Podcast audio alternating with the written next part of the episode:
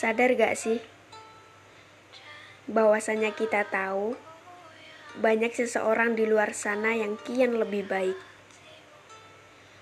Namun kenapa masih berharap? Kenapa tidak pada yang lain?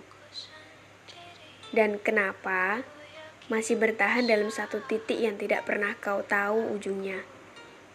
Hei, aku tegasin lagi ya. Mau sampai kapan mencari yang lain?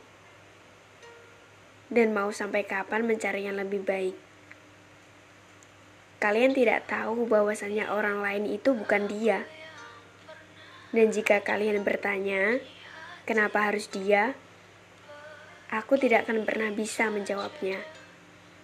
Kalaupun ada jawabannya, udah pasti tidak akan pernah ada ujungnya.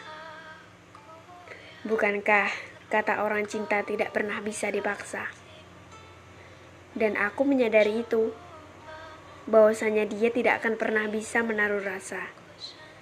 Namun, apakah aku salah jika terus mencintainya?